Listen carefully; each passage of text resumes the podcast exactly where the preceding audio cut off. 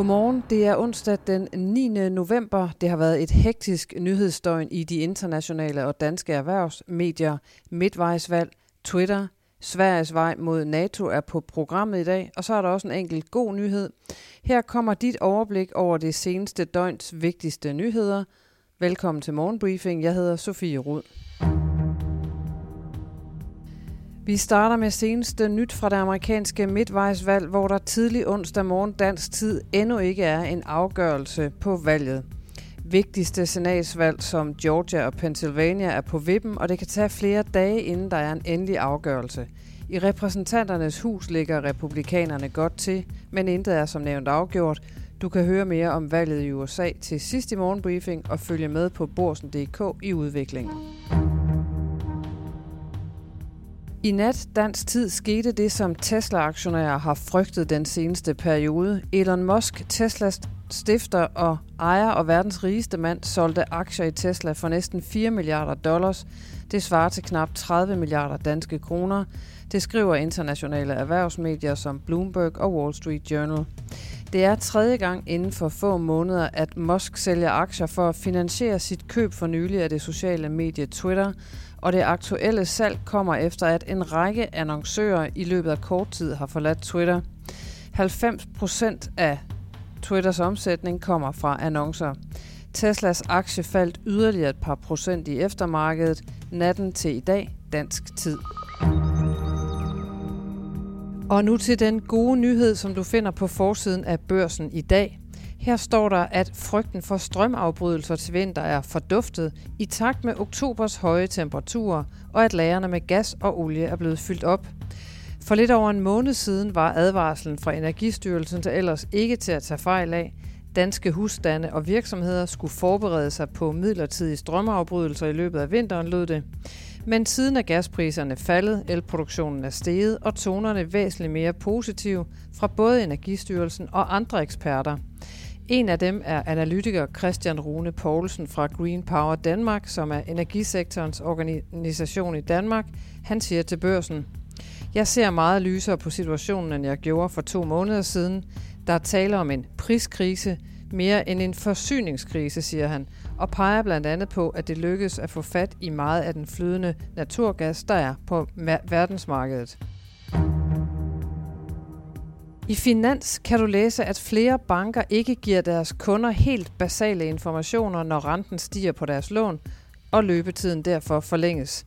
Det kritiserer flere bankkunder i Finans, men ifølge Finanstilsynet er der ikke præcise regler for, at bankerne skal det. Hvis kunden henvender sig, skal bankerne fortælle, hvordan løbetiden er ændret, oplyser Finanstilsynet. Og det forhold, at kunderne selv skal bede om de oplysninger, kritiseres af Forbrugerrådet Tænk, skriver Finans. Tirsdag offentliggjorde FL Schmidt kvartalsregnskab, og det var positivt og slog analytikernes forventninger på omsætningen.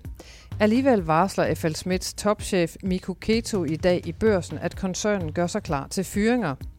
FL Schmidt tror, der kommer en global recession i 2023, og derfor skal antallet af ansatte i både mine- og cementdivisionen reduceres, siger Mikko Keto i et interview i børsen i dag. Han siger, vi har for mange lag og mere ledelse end nødvendigt. Du kan læse hele interviewet med Keto og læse flere regnskabstal fra FL Schmidt og andre danske virksomheder på borsen.dk. Thomas Borgen, tidligere topchef i Danske Bank, blev tirsdag frifundet i en erstatningssag, hvor 74 investorer havde forlangt 2,5 milliarder kroner af Borgen efter hvidvasksagen i banken. De 74 investorer, der ejede aktier i banken, de mente, at Borgen skulle have udsendt en fondsbørsmeddelelse i forbindelse med sagen, og at Borgen dermed havde et ansvar. Men det mente dommeren ikke. I børsen forklarer juraprofessor Jesper Lav Hansen, hvorfor. Han siger, i straffesager får du en straf, hvis du har gjort noget forkert. Erstatning er ikke straf, men handler om, at der skal være nogen, der har lidt et tab. Erstatningssagen bliver ikke ført for at slå nogen over fingrene, men for at genoprette en skade, siger professoren i børsen i dag. Du kan læse hele forklaringen på borsen.dk. Vi skal til Tyrkiet, hvor præsident Erdogan tirsdag sagde, at Sverige skal tage, citat, konkrete skridt, citat slut, inden udgangen af november og gøre mere for at overtale Erdogan til at droppe modstand mod Sveriges ønske om at tilslutte sig NATO-alliancen. Det svenske medlemskab afhænger nemlig af opbakning fra Ankara og Erdogan, som ønsker, at Sverige skal udlevere 12 kurdiske flygtninge til Tyrkiet, som Tyrkiet anklager for at være terrorister. Det skriver Financial Times. Og indtil Sverige har gjort det, så nægter Tyrkiet, som har NATO's næststørste her, at lukke svenskerne ind. Den nyvalgte svenske statsminister Ulf Kristersson hedder, hedder han, har lovet at distancere sig fra kurdiske grupper, der kæmper mod islamisk stat i Syrien. Men tirsdag lovede Kristersson altså ikke konkret at udvise de 12 kurder fra Sverige, ifølge Financial Times. Tirsdagens amerikanske midtvejsvalg kan blive afgørende for ambitionerne på klimaområdet i USA.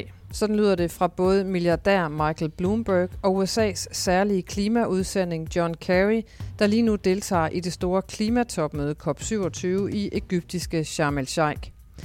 Det demokratiske flertal i kongressen har gennemført en stor klimapakke, der over det kommende årti allokerer 369 milliarder dollar. Det svarer til 2720 milliarder kroner til klima- og energioptimering i USA.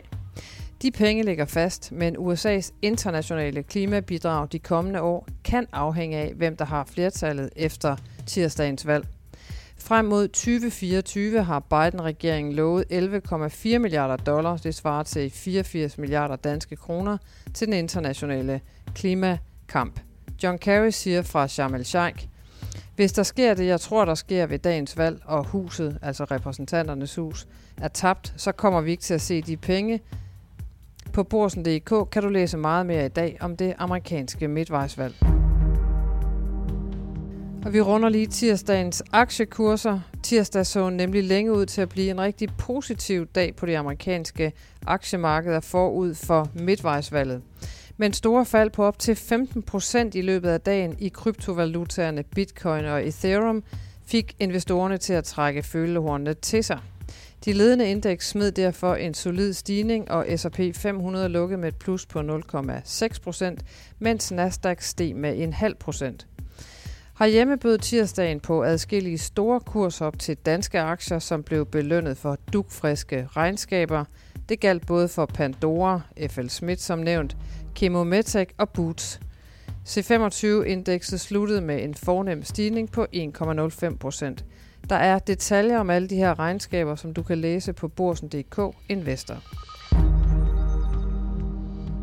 I New York sidder børsens korrespondent Lasse Ladefod, og han har fulgt stemmeoptællingen i det amerikanske midtvejsvalg natten igennem. Ja, her sidst på aftenen i øh, USA tidlige morgentimer dansk tid, der er der som ventet stadig spænding i øh, det amerikanske midtvejsvalg. Der er ikke noget, der er afgjort endnu, hverken i repræsentanternes hus eller i øh, senatet, mens jeg sidder og taler her. Og i flere af de øh, vigtigste og tætteste stater, såsom øh, Arizona, Pennsylvania eller Nevada og Georgia, der er der altså ikke nogen afgørelse endnu, og vi skal nok have afgørelsen for de stater, før man kan sige noget om, øh, hvorvidt senatet hælder den ene eller den anden vej.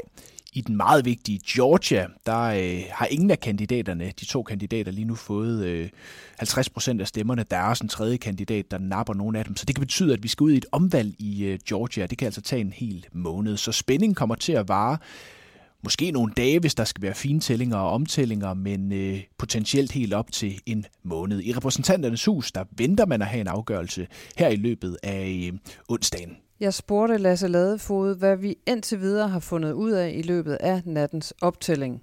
Kigger man lidt ud i øh, delstaterne, så er der også en række guvernørposter, der er blevet øh, fordelt. Donald Trumps tidligere talskvinde Sarah Sanders, Sarah Sanders har sikret sig posten i Arkansas, i Maryland. Der øh, er Wes Moore blevet valgt og er blevet den første sorte guvernør i øh, staten. Kigger man videre til Texas, så øh, var det tæt på. Der var spekuleret i, at Beto O'Rourke, den tidligere præsidentkandidat, kunne øh, tage guvernørposten der. Det gjorde han så ikke. Han blev slået af Greg Abbott. Og i Florida, der har øh, Ron DeSantis sikret sig endnu en periode som guvernør, men han ventede sig at stille op til præsidentvalget i 2024, og altså udfordre Donald Trump som også ventes at stille op i 2024 og annoncere det måske i øh, næste uge. Her i New York, der har den profilerede demokrat Alexandria Ocasio-Cortez igen øh, vundet sit sæde, nede i Georgia, der har Marjorie Taylor Greene, som mange måske også kender, sikret sig sit sæde igen. Men på landsplan er der altså ikke øh, noget endeligt billede, hverken af, hvor mange af øh, de kandidater, der ikke anerkender 2020-resultatet, der er kommet ind. Der er heller ikke, i og med, at der ikke er nogen fordeling i kongressen, så kan man heller ikke sige noget på nuværende tidspunkt om, hvad Joe Bidens handle, handlemuligheder bliver i det kommende år. Det ligger stadig til, at han mister flertallet i repræsentanternes hus. Men lad os se. Og således nåede vi igennem den her morgens overblik. Jeg håber, du får en fortsat god dag. I morgen er vi her igen med mere morgenbriefing. God onsdag til dig.